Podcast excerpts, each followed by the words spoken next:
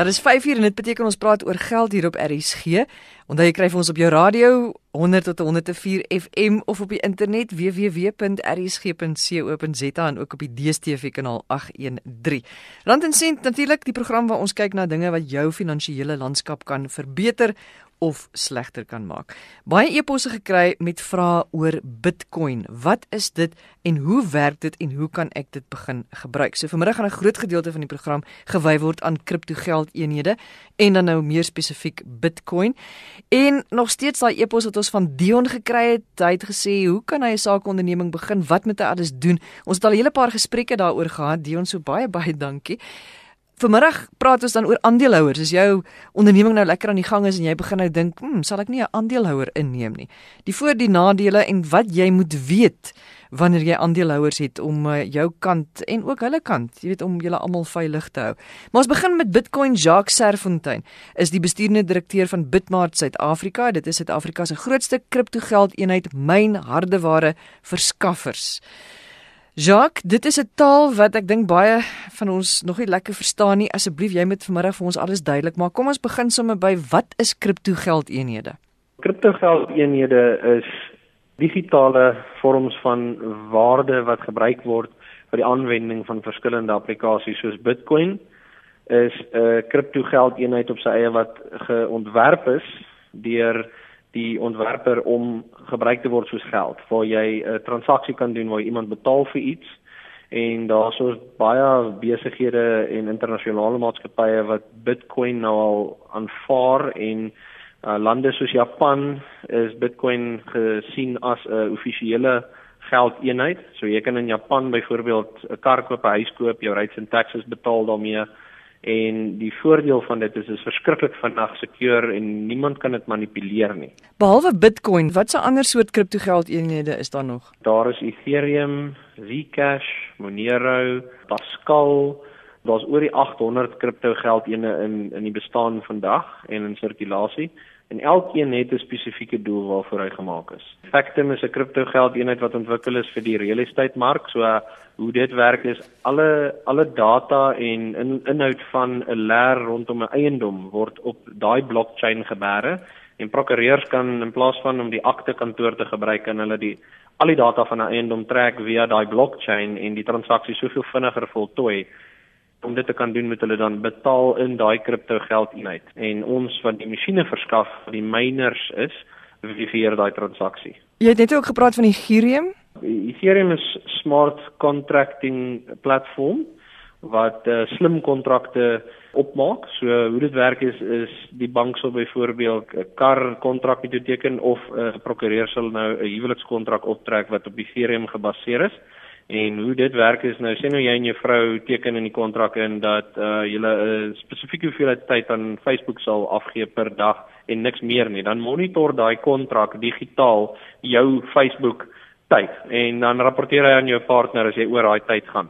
So dis 'n slim kontrak wat jy weet dinge kan moniteer en beheer en as daar 'n beloning of penalty is vir die oortreding kan hy dit sommer laat uitvoer ook. So dit is hoe smir slim kontrakte op Ethereum werk. Uh die karre, byvoorbeeld sê nou jy koop 'n kar deur Absa Bank, Absa Bank installeer 'n smart contract chip in jou kar wat ook op die Ethereum netwerk gekoppel is. As jou debietorder hop op die kar se paaiement, dan sit die chip die kar af dan kan die kar nie ry totdat jy die paaiement betaal nie want dit is 'n blockchain instelling wat dit reguleer en beheer. Nou jy praat van myn en mynbou masjiene.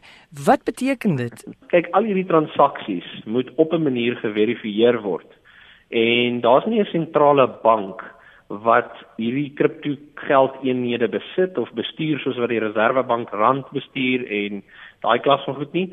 So dis totaal en al gedesentraliseer. Nou omdat hy gedesentraliseer is, het hulle nou obviously iemand nodig wat help om die verifikasies te doen. Jou beloning om die verifikasie te doen met die hareware wat Bitmark verkoop, is die transaksie fooie wat dan gehef word wat gepaard gaan met die transaksie.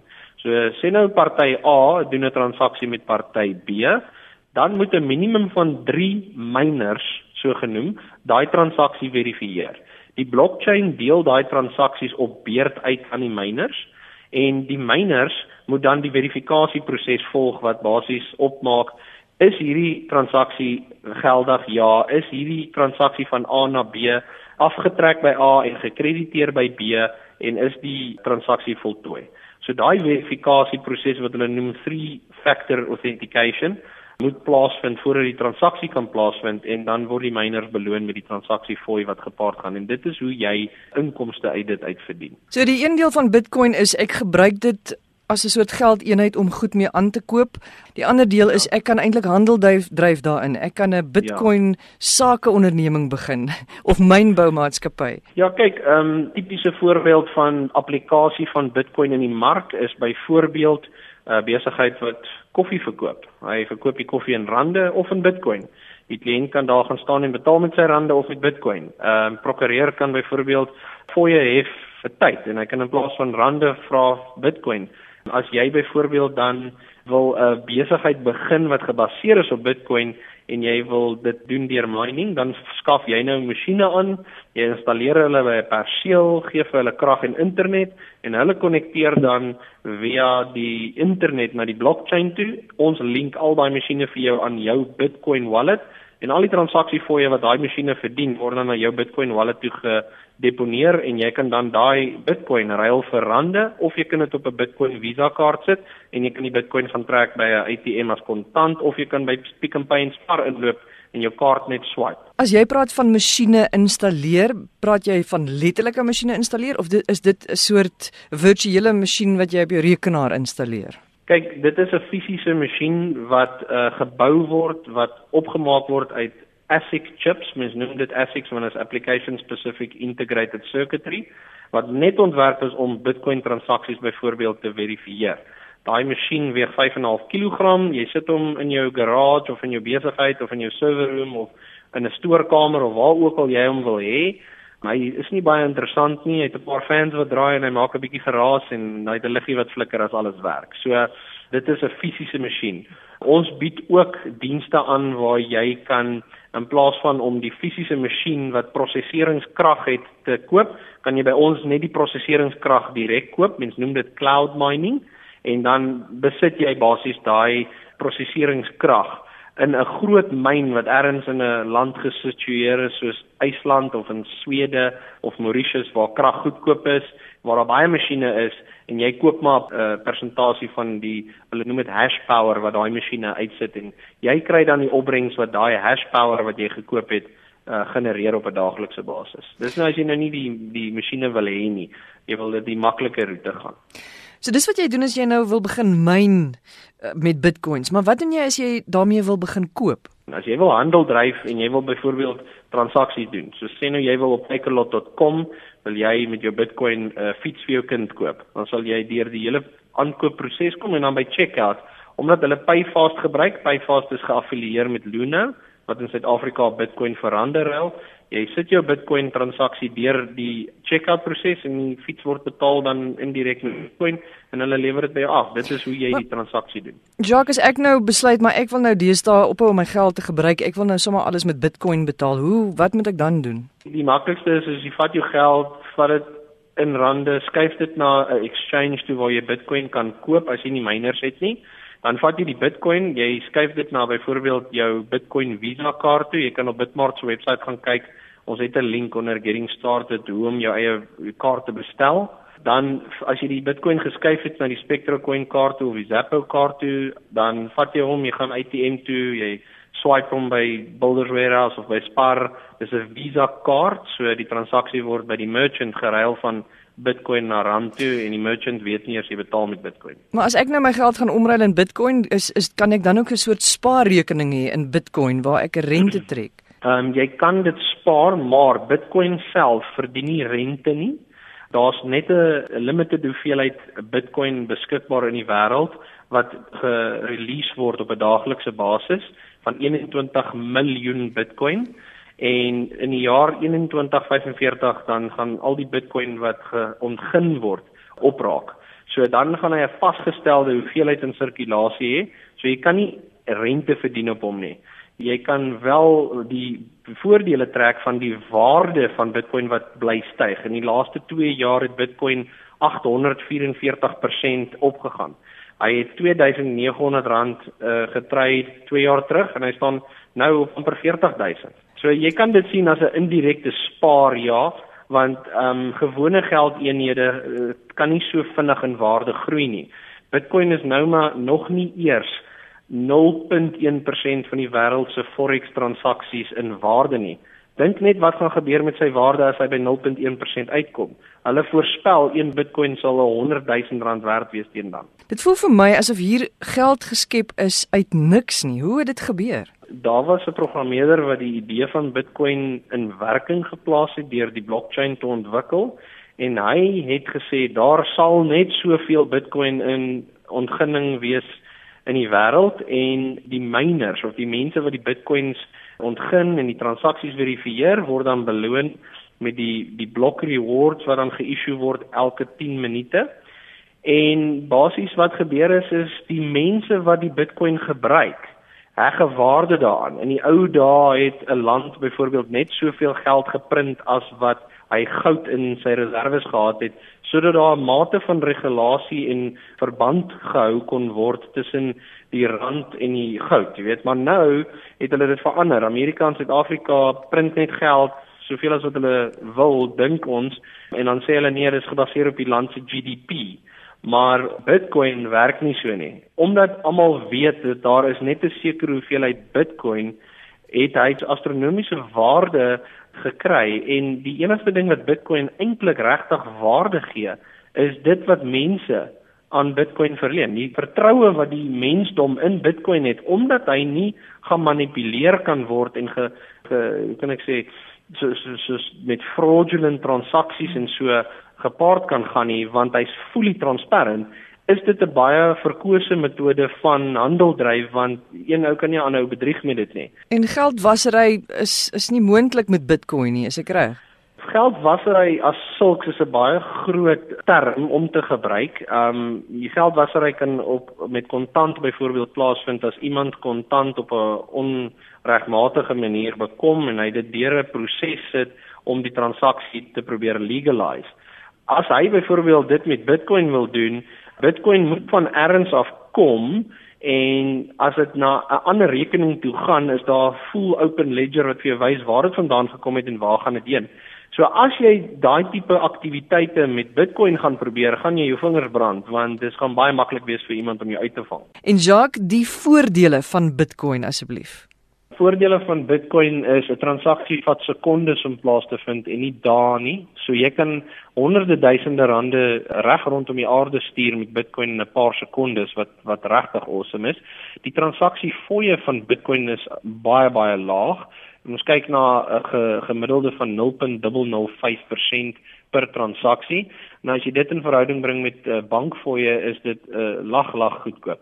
So uh, dit is 'n voordeel. Um Bitcoin word nou al so geïntegreer in die ekonomie. So Australië het dit ook nou begin aanvaar as 'n legal geldeenheid dat jy kan nou amper oral in die wêreld by winkels en so met Bitcoin koop in in in die hoofstad van Duitsland is daar omtrent nie 'n koffieshop wat nie Bitcoin aanvaar nie. Nadele of negatiewe aspekte van Bitcoin? Nadele van Bitcoin is dis bietjie moeilik vir mense om te verstaan, so die die die adoption rate is stadig. En ek sou sê dat uh omdat so min mense in die wêreld dit nou verstaan, gaan dit nog lank vat vir mense om ehm um, jy weet op groot skaal Bitcoin te adopt. Ehm um, nog 'n nadeel is jy kan nog nie in Suid-Afrika 'n huis en 'n kar en sulke goed koop met Bitcoin.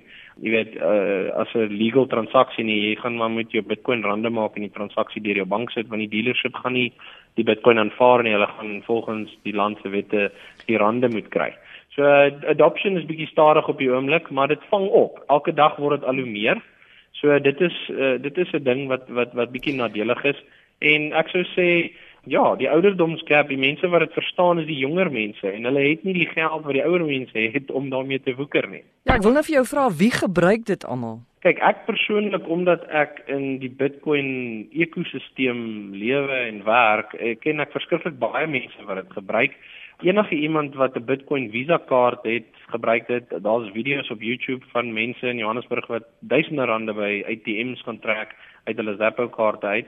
So daar is 'n relatiewe hoeveelheid mense wat dit gebruik. Daar is ATMs beskikbaar ehm um, reg oor die wêreld waarvan ek dink een of twee in Suid-Afrika ook is waar jy kan fisies kontant insit en gee jy vir jou Bitcoin op jou uh, wallet of jy kan Bitcoin verkoop by die ATM verander. So uh, daar is 'n paar mense wat dit gebruik en dan as jy gaan kyk na bidobuy.co.za, hulle aanvaar Bitcoin. Superbalance en uh, Takealot aanvaar ook Bitcoin deur hulle Payfast gateway. As jy nou jou rande gaan omruil vir Bitcoin of as jy nou daai transaksie doen, kos dit jou baie geld? Nee, al wat jy doen is net om jou voorbeeld te gee, is jy kan byvoorbeeld op een van die drie groot exchanges in Suid-Afrika wat ICE3X, Luno en Altcoin Trader is, kan jy byvoorbeeld R1000 gaan deponeer. As jy die rekening skep, dan gee hulle vir jou 'n unieke eh, verwysing waarmee jy die deponering doen. Dan as jy die die geld gedeponeer het, dan wys dit binne in jou rekening op die exchange en dan sit jy net 'n buy order in. Dit is dis ek dink die die, die transaksie fooi is 0.1% op die exchange vir die transaksie vir die Bitcoin wat jy koop. En jy kan dit enige tyd weer verkoop vir rande op die exchange en dit weer onttrek na jou bankrekening toe. En as jy dit verkoop, kan jy dan 'n paar sente maak daarop? Jy kan definitief ja as jy dit vandag verkoop het uh, gekoop het vir R38000 'n Bitcoin en hy gaan môre na 40000 toe en jy verkoop hom weer want jy R2000 per Bitcoin gemaak wat jy gekoop en verkoop het. Nou Jacques, as ek nou belangstel hierin en ek wil iewers begin, waar gaan ek heen? Hoe gaan ek begin? Ek sou sê die maklikste is om op bitmart.co.za te gaan kyk op ons getting started bladsy. Ons verduidelik daarso vir jou met uh, die hulp van video's oor hoe die proses werk en al die inligting is beskikbaar op ons webwerf. Um en jy kan ons ook kontak via Facebook of jy kan my net bel. Wat is die mees algemene vraag wat jy kry oor Bitcoin? Is dit 'n Ponzi skema? Dis die grootste vraag wat ek kry en die antwoord vir dit is nee, dit is nie. Dit is alles behalwe want dit is gedesentraliseer. Daar's niemand wat Bitcoin besit nie en niemand wat dit beheer of reguleer nie. So jy kan nie ingedoen word daarmee deur iemand wat op die punt van die piramide sit nie. Die ander vraag wat ek ook kry is mense wat nie weet wat is Bitcoin nie. Hulle hulle hoor oral op die radio van dit, hulle hoor dit op TV, hulle sien dit in die koerante, maar hulle weet nie wat dit is nie. So dit is die twee grootste vrae wat ek kry en dan obviously die derde vraag is hoe kan ek betrokke raak? Hoe kan ek geld maak uit Bitcoin uit? En al die antwoorde tot daai vrae is op my webwerf. Jacques Serfontein baie dankie. Jacques is die besturende direkteur van Bitmart Suid-Afrika en jy kan enigstyd vir my e-pos stuur as jy nog vrae vir Jacques dan kry ons hom weer op die program en uh, praat ons verder. Dit is Susan by rsg.co.za. S U Z A A N by rsg.co.za. Arinda Trieter is 'n prokureur by Skuman Law ingelyf. En Arinda, jy sê daar's 'n paar baie belangrike dinge wat 'n mens in ag moet neem wanneer jy aandeelhouers in jou maatskappy wil inbring. Wat is dit alles? Sodra jy meer as een eienaar is in jou maatskappy, soos jy het meer as een aandeelhouer wat aandele het in die maatskappy, dan is dit uiters belangrik dat jy 'n aandeelhouersooreenkoms opstel wat duidelik uiteensit wat die pligte en die regte van die aandeelhouers is. Omdat jy hierdie ander aandeelhouers het wat saam met jou werk, is dit belangrik dat jy altyd 'n plan B het. Wat gebeur in die geval van as een aandeelhouer siek raak of afsterwe? of bloot besluit hy of sy wil nou nie meer betrokke wees in die maatskappy nie. Jy moet dan duidelik reguleer hoe gaan die koop, die terugkoop of die verkoop van jou aandele in die maatskappy werk. Gewoonlik struktureer ons dit dat die oorblywende aandeelhouers die reg sal hê om eers die aandele terug te koop sodat jou aandele nie verminder in die maatskappy nie. Maar ook soos wat ons gesê het, dit is belangrik om dit in jou testament te sit en dat jou testament en die aandeelhouersooreenkoms met mekaar praat sodat jy altyd weet wat gaan gebeur in die lewe se omstandighede wat dalk in die toekoms kan gebeur. Maar Rinda, sien nou ek en jy het 'n onderneming en ons is nou goeie vriende en ek en jy het ja. albei 'n aandeel daarin. Ons is nou 50-50 daarin. Nou besluit jy op 'n dag, weet jy, jy het nou nie meer lus vir hierdie ding nie. Jy gaan 'n bietjie aftree of jy wil net ontslaa raak hiervan want jy wil ander dinge doen. En jy sê vir my Susan, wil jy my nie uitkoop nie? En ek sê Arina, ek wil graag, maar ek kan nou nie bekostig om nou jou 50% te gee nie. En jy sê vir my, hoorie jammer, maar dan gaan ek dit nou aan iemand anders verkoop. Jy weet wat se reg het ek dan om my want ek en jy het saam hierdie onderneming van ons begin. Dit was ons baba, ons het hom grootgemaak. En nou wil jy gaan en jy gaan die aandele aan iemand anders verkoop. En nou moet ek saam met iemand anders in aandeelhouding in my bedryf wees en ek hou dalk nie van die persoon nie of stem nie saam met die persoon nie. Ja, dit is 'n groot risiko wat 'n mens het sodra jy ander aandeelhouers het. En dit is hoekom hierdie aandeelhouers ooreenkoms so belangrik is om dit te reguleer, sodat jy daai reg het. Want die wet skryf dit glad nie voor nie. Die wet skryf nie voor wat gebeur in die geval dat jy jou aandele wil verkoop of een aandeelhouer sterf af nie. Dit moet deur jou aandeelhouers ooreenkoms gereguleer word, want jy wil nie in daai situasie kom waar jy met iemand anders gaan moet besigheids doen nie. Gewoonlik wat ons voorstel is dat jy 'n polis uitneem die aandeelhouers tussen mekaar sodat as iets gebeur en daai aandeelhouer wil uittreë dan kan daai polis intree en jy het dan die geld om die aandele terug te koop. En dan die ander aspek is ook van ek en jy is nou nie in hierdie in hierdie bedryf, ons het dit nou saam begin en jy uh, sit dalk in jou testament dit gaan nou na jou kinders toe of dit gaan na jou familie toe.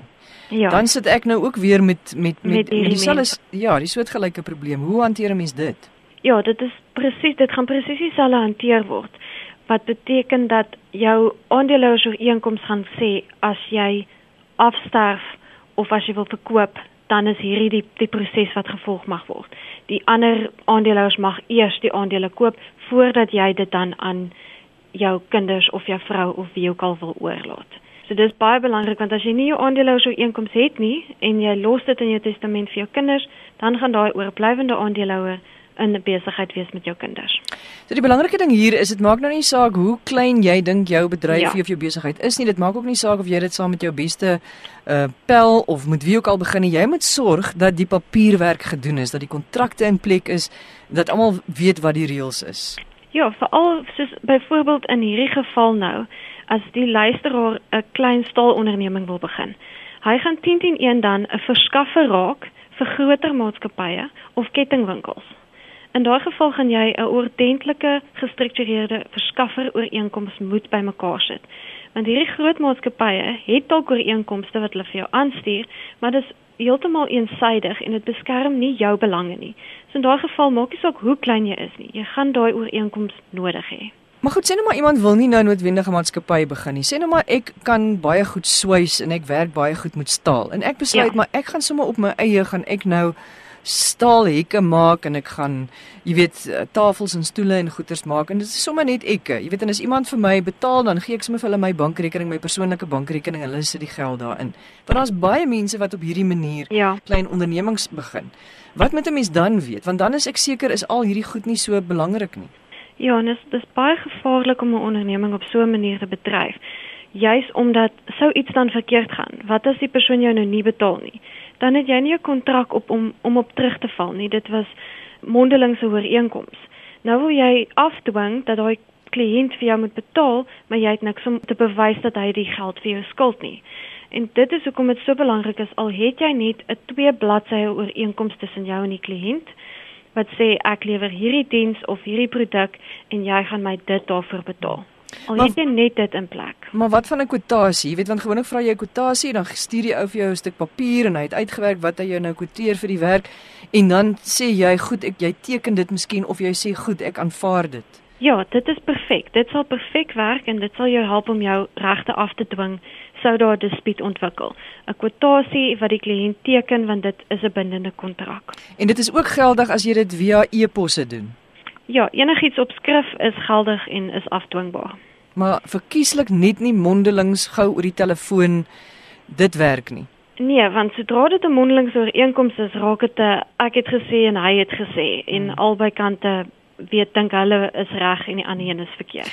Arinda, dankie. Dit is Arinda Trieter. Sy is 'n vernoot by Skuman Law ingelyf. Dit is die einde van die program. Onthou die e-posadres susaan@rsg.co.za s u z a a n rsg.co.za.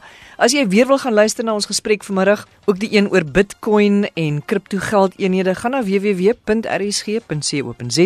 klik op potgooi en dan kan jy uh, daar weer gaan luister na Rand en Sent. Ons praat volgende Sondagmiddag 5uur verder. Totsiens. Mooi week vir jou.